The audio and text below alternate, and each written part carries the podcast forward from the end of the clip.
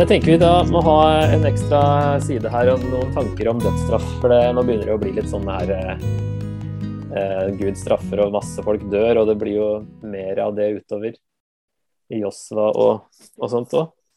Snakke mer om krigene når vi kommer dit, men dette her med eh, at Gud tar eh, liv da, underveis Eh, så for å sette det litt i perspektiv, i hvert fall så hjalp det meg litt å tenke litt sånn her eh, Dra det litt inn i Nytestamentet.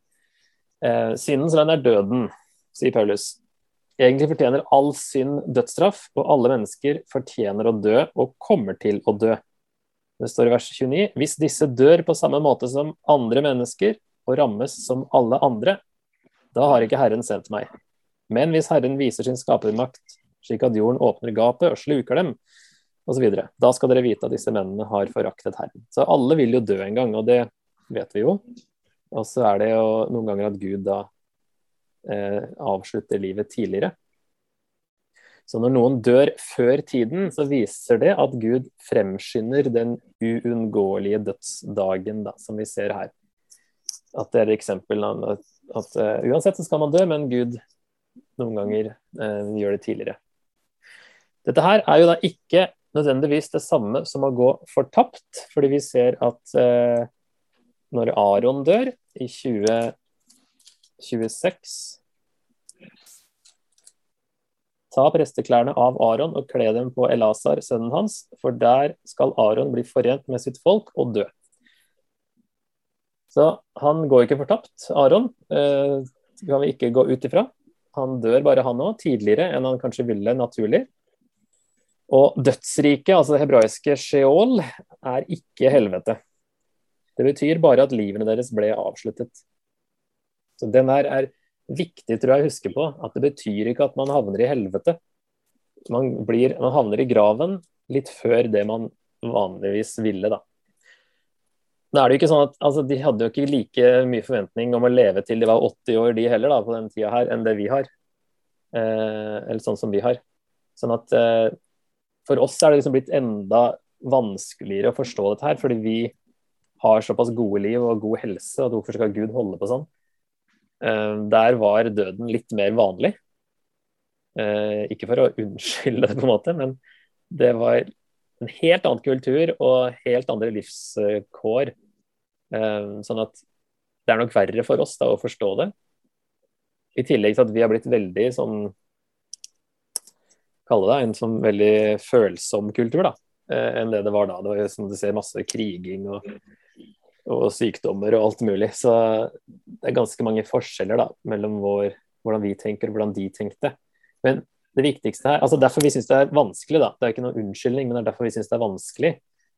Eh, poenget er jo å prøve å forstå hva som skjer her, at er, de bare dør. Det er ikke at de går fortapt eh, nødvendigvis. Selv om, selv om, selvfølgelig når det er en straff for synd, så kan det hende at de gjorde det. Men vi har jo sett på at helvete og kanskje trengs å retolkes litt, da. Um, Hebreerne 10 sier at det er enda verre med overlegg å bryte den nye pakt. Selv om vi syns det er drøyt det som skjer her, så er det enda verre å bryte den nye pakt og velge bort Jesus med vilje, sier han. Og Paulus bruker dødsstraffen i GT i overført betydning om å støte ut en synder fra menigheten. Han siterer da sier 'få da den onde bort fra dere', det viser til 'slik skal du utrydde det onde hos deg', som står f.eks. ni ganger i 5. Mosebok. Da. Så det, det, som er dødsstraff i Gammeltestamentet, det blir til eh, støt ut av menigheten da, i Nytestamentet. Så det er ikke noe sånn at eh, dødsstraffen eh, overføres og tas videre i menigheten i Nytestamentet.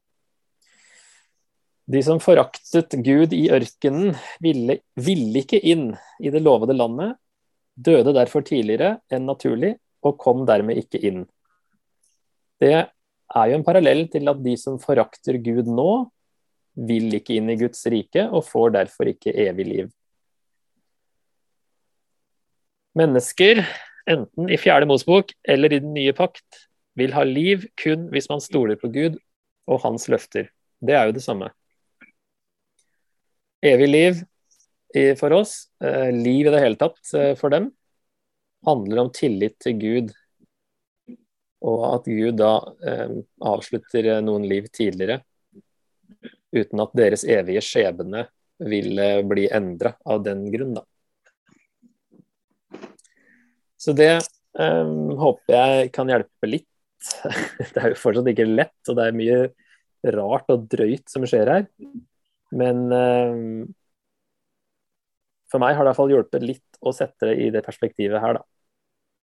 Og kanskje aller viktigst er med at det betyr ikke at man havner i helvete hver gang. Og at Gud liksom ikke gidder å gi dem en sjanse til. Han vet hva han gjør, han er 100% rettferdig. Det er ikke noe urettferdig som skjer uansett. Men det kan være vanskelig å få eh, forstå det her helt, da. Og det, det får være greit. vi får prøve så godt vi kan. Yes. Da eh, tar vi og hopper fram til eh, kapittel eh, 20. Og da er de kommet opp til eh, Eller er på vei til Moab, altså opp til Shittim der. Eh, da er vi kanskje i år 40. Fordi det sies bare måneden, det sies ikke hvilket år, men det er kanskje det siste året, da. Da er de tilbake til Kadesh, der de var i kapittel 13 og 14, som dere ser på, på kartet her. Um, og ved å hoppe over de 38 årene med stillhet, så sier forfatteren egentlig at de var uh, bortkasta. De kunne ha kommet inn forrige gang de var der. Uh, så har det gått rundt i 38 år. Uh, ingenting er verdt å nevne av det som skjedde da. Eller gikk jo sikkert ikke hele tida, men de har i hvert fall vært i ørkenen da, i 38 år. Så bortkasta kunne vært annerledes. Her kommer klage nummer sju. Og da blir selv Moses og Aron lei, og de gjør for første gang ikke slik Gud har sagt. Moses slår klippen, sånn som han gjorde i andre Osbok 17. Kanskje en glipp at han hadde gjort det forrige gang. Eh, det er jo mange år siden, da, for så vidt. Men eh, han skulle tale til den. Og han snakker også som om han gjør det, eller han og Aron, da, og ikke Gud. I Salme 106 så sier de at eh, de gjorde ham bitter, så han talte uten å tenke. Det kosta han inngangen i landet, da. Selv om han hadde nok ikke levd der så altfor lenge, så han begynte å bli ganske gammel. Men han ble bitter, talte uten å tenke. Gud forklarer det som at de ikke trodde på ham, de helliget ham ikke, og de satte seg opp mot det han sa, i vers 12 og 24. Så derfor må begge de to dø på hvert sitt fjell, da, før eh, folket går inn. Så kommer jo et eh, viktig frampek på Jesus i kapittel 21, klage nummer 8 og denne bronseslangen. Eh, der de, blir, eh, de klager, de, Gud sender slanger, og Moses går i forbund, regner jeg med, der også.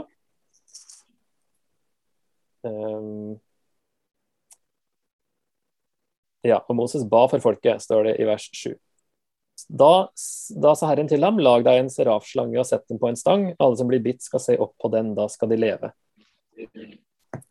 Så det, her er barmhjertigheten det at de kan leve hvis de har tillit til at kobberslangen redder dem.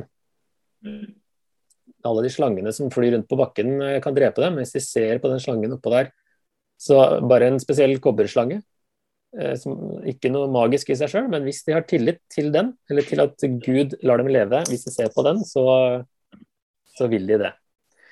Og det her siteres jo av Jesus i versene før selveste Johannes 3,16.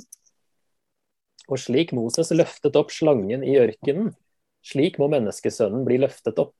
Altså løftet opp på korset er jo sånn, det er det Johannes mener i evangeliet sitt når han sier at, eller når Jesus snakker om at han eh, må bli løfta opp, så er det ikke det å bli opphøyd og tatt opp til himmelen, men løfta opp på korset for at hver den som tror på han skal ha evig liv. For så høyt har Gud elsket verden, osv. Så, videre. så her, eh, selv om det er en slange, som er et negativt eh, symbol, så bruker Jesus det, at han skal bli løfta opp på samme måte av de som har tillit til at Jesus redder, de får leve. De som ser til Jesus.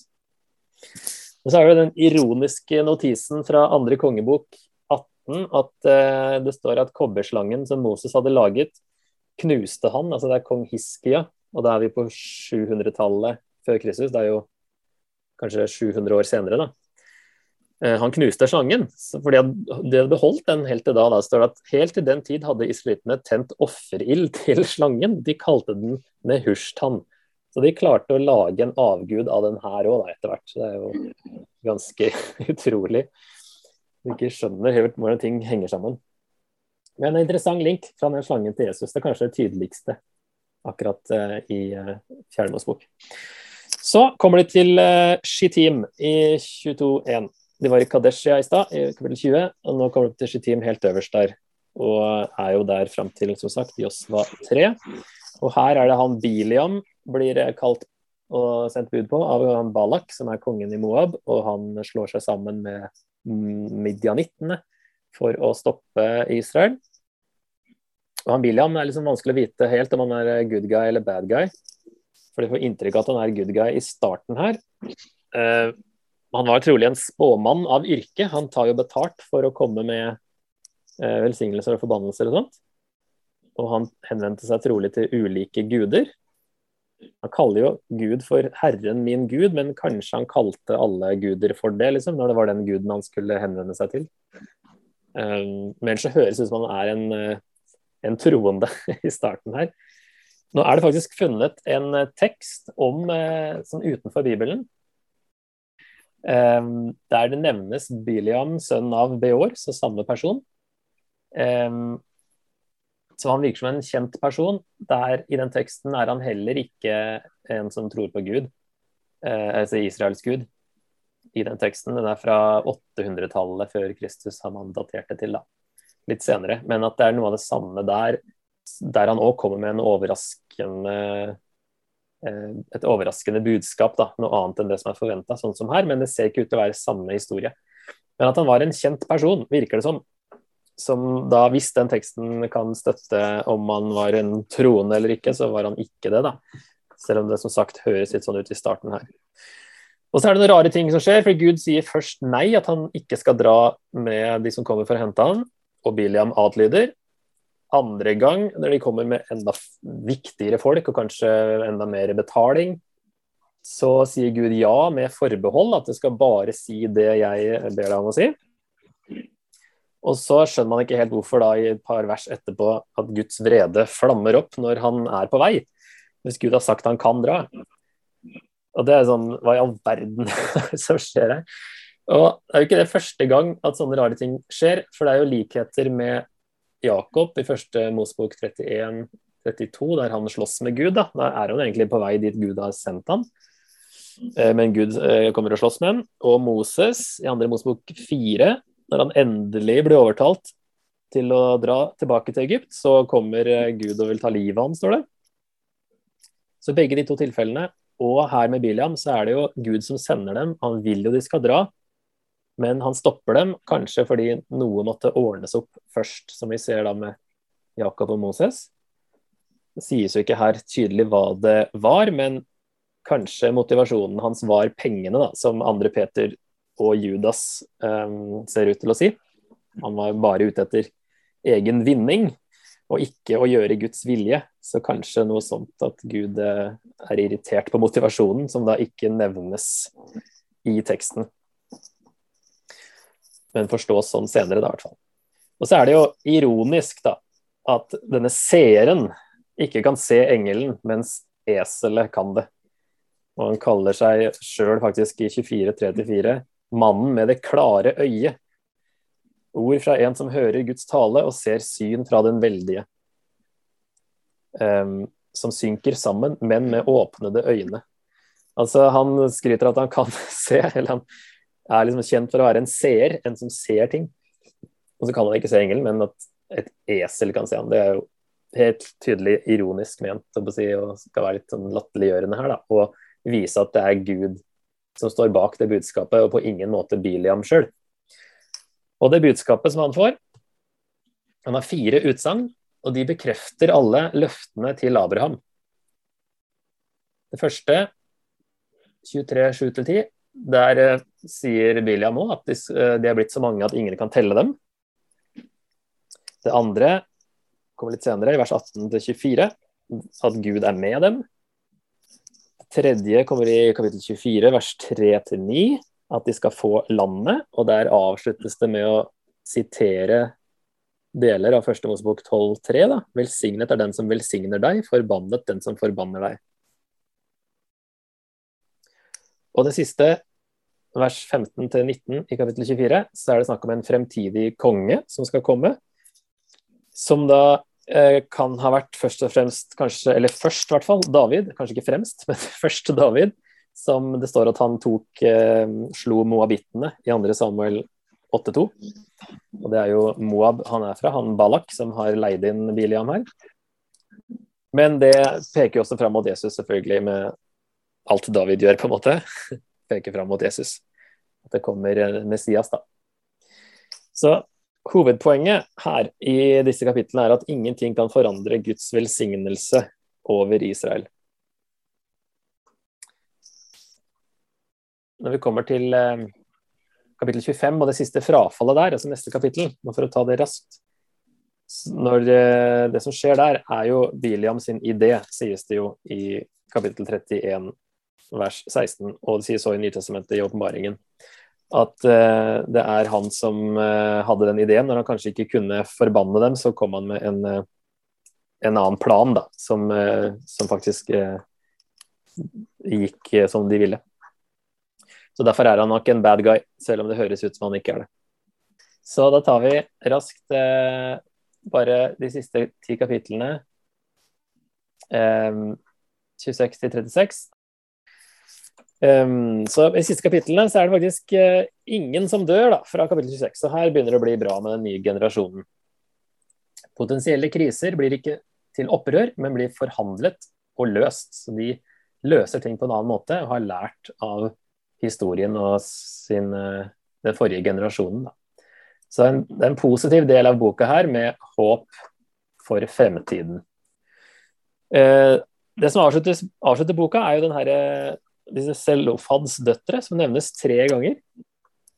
Der de, i motsetning til andre kulturer, hvor kvinner vanligvis ikke kunne arve land og eiendom, så gir Gud dem rett til å arve hvis de ikke hadde noen bror, og hvis de gifta seg med noen fra sin egen stamme. Så ikke eiendommen eh, forsvant ut av stammen, da, som de, fått, som de ville få tildelt eh, i Josfa når de kommer dit. Tydeligvis viktig dette her, siden det nevnes tre ganger. Og det er også det siste som nevnes, og det avslutter hele boka.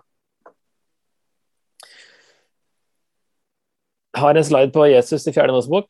Eh, kobberslangen, manna, manna og vann. Biliams profeti om den kongen. Det at Hosea får navnet Josfa, som egentlig er navnet Jesus, da, det kommer jo enda tydeligere fram i Josvas bok og i hebreerne. Dommen, eller dom, dømminga som skjer, peker fram mot dommen, den endelige dommen, og Guds nærvær i helligdommen peker fram på at Guds nærvær kom til oss på en helt annen måte når Jesus kom. Og mellommannen Moses, som går i forbønn gang på gang på gang, Eh, peker frem på Jesus som er vår talsmann og advokat, da, som eh, konstant står og, og, går i forbønn for oss, på en måte. Sånn at Guds vrede ikke kommer fordi Jesus redder oss. Så det er eh, en enda bedre og konstant talsmann eller sånn som går i forbønn da, i Jesus. De tidligste sannhetene, nå får vi ikke snakka og tenkt på det nå. Slik som Gud var med Israel i ørkenen, er han med deg og leder deg inn til hvilen. Stoler du på at han kan få deg dit når du møter på motgang og demotiverende vanskeligheter? Hvordan reagerer du når du opplever å være i en åndelig ørken? Det kan være interessant å tenke over. Eh, er du fornøyd med de gavene du har fått av Gud? Søker du noe annet av egoistiske ambisjoner, som Paulus sier i Filipperne 2-3, at eh, vi skal ikke gjøre det? Og som vi så her, at han Kåra gjorde det i kapittel 16. Han ville ha, gjøre noe mer, noe annet enn det han hadde fått eh, i oppgave av Gud. Kanskje stolthet eller noe annet, da. Noen andre ambisjoner. Det kan være nyttig å tenke over. Og for noen av oss òg, kanskje, er du misfornøyd med Gud? Klager du? Hva klager du over, og til hvem? Og hvordan kan du bli takknemlig? Er det noen ting, konkrete ting som kan hjelpe deg til å bli det. Eh, men kanskje aller mest det her med hvem Når vi klager da, eller er misfornøyd, hvem klager vi til, da? Hvordan gjør vi det? Så tre litt forskjellige spørsmål her.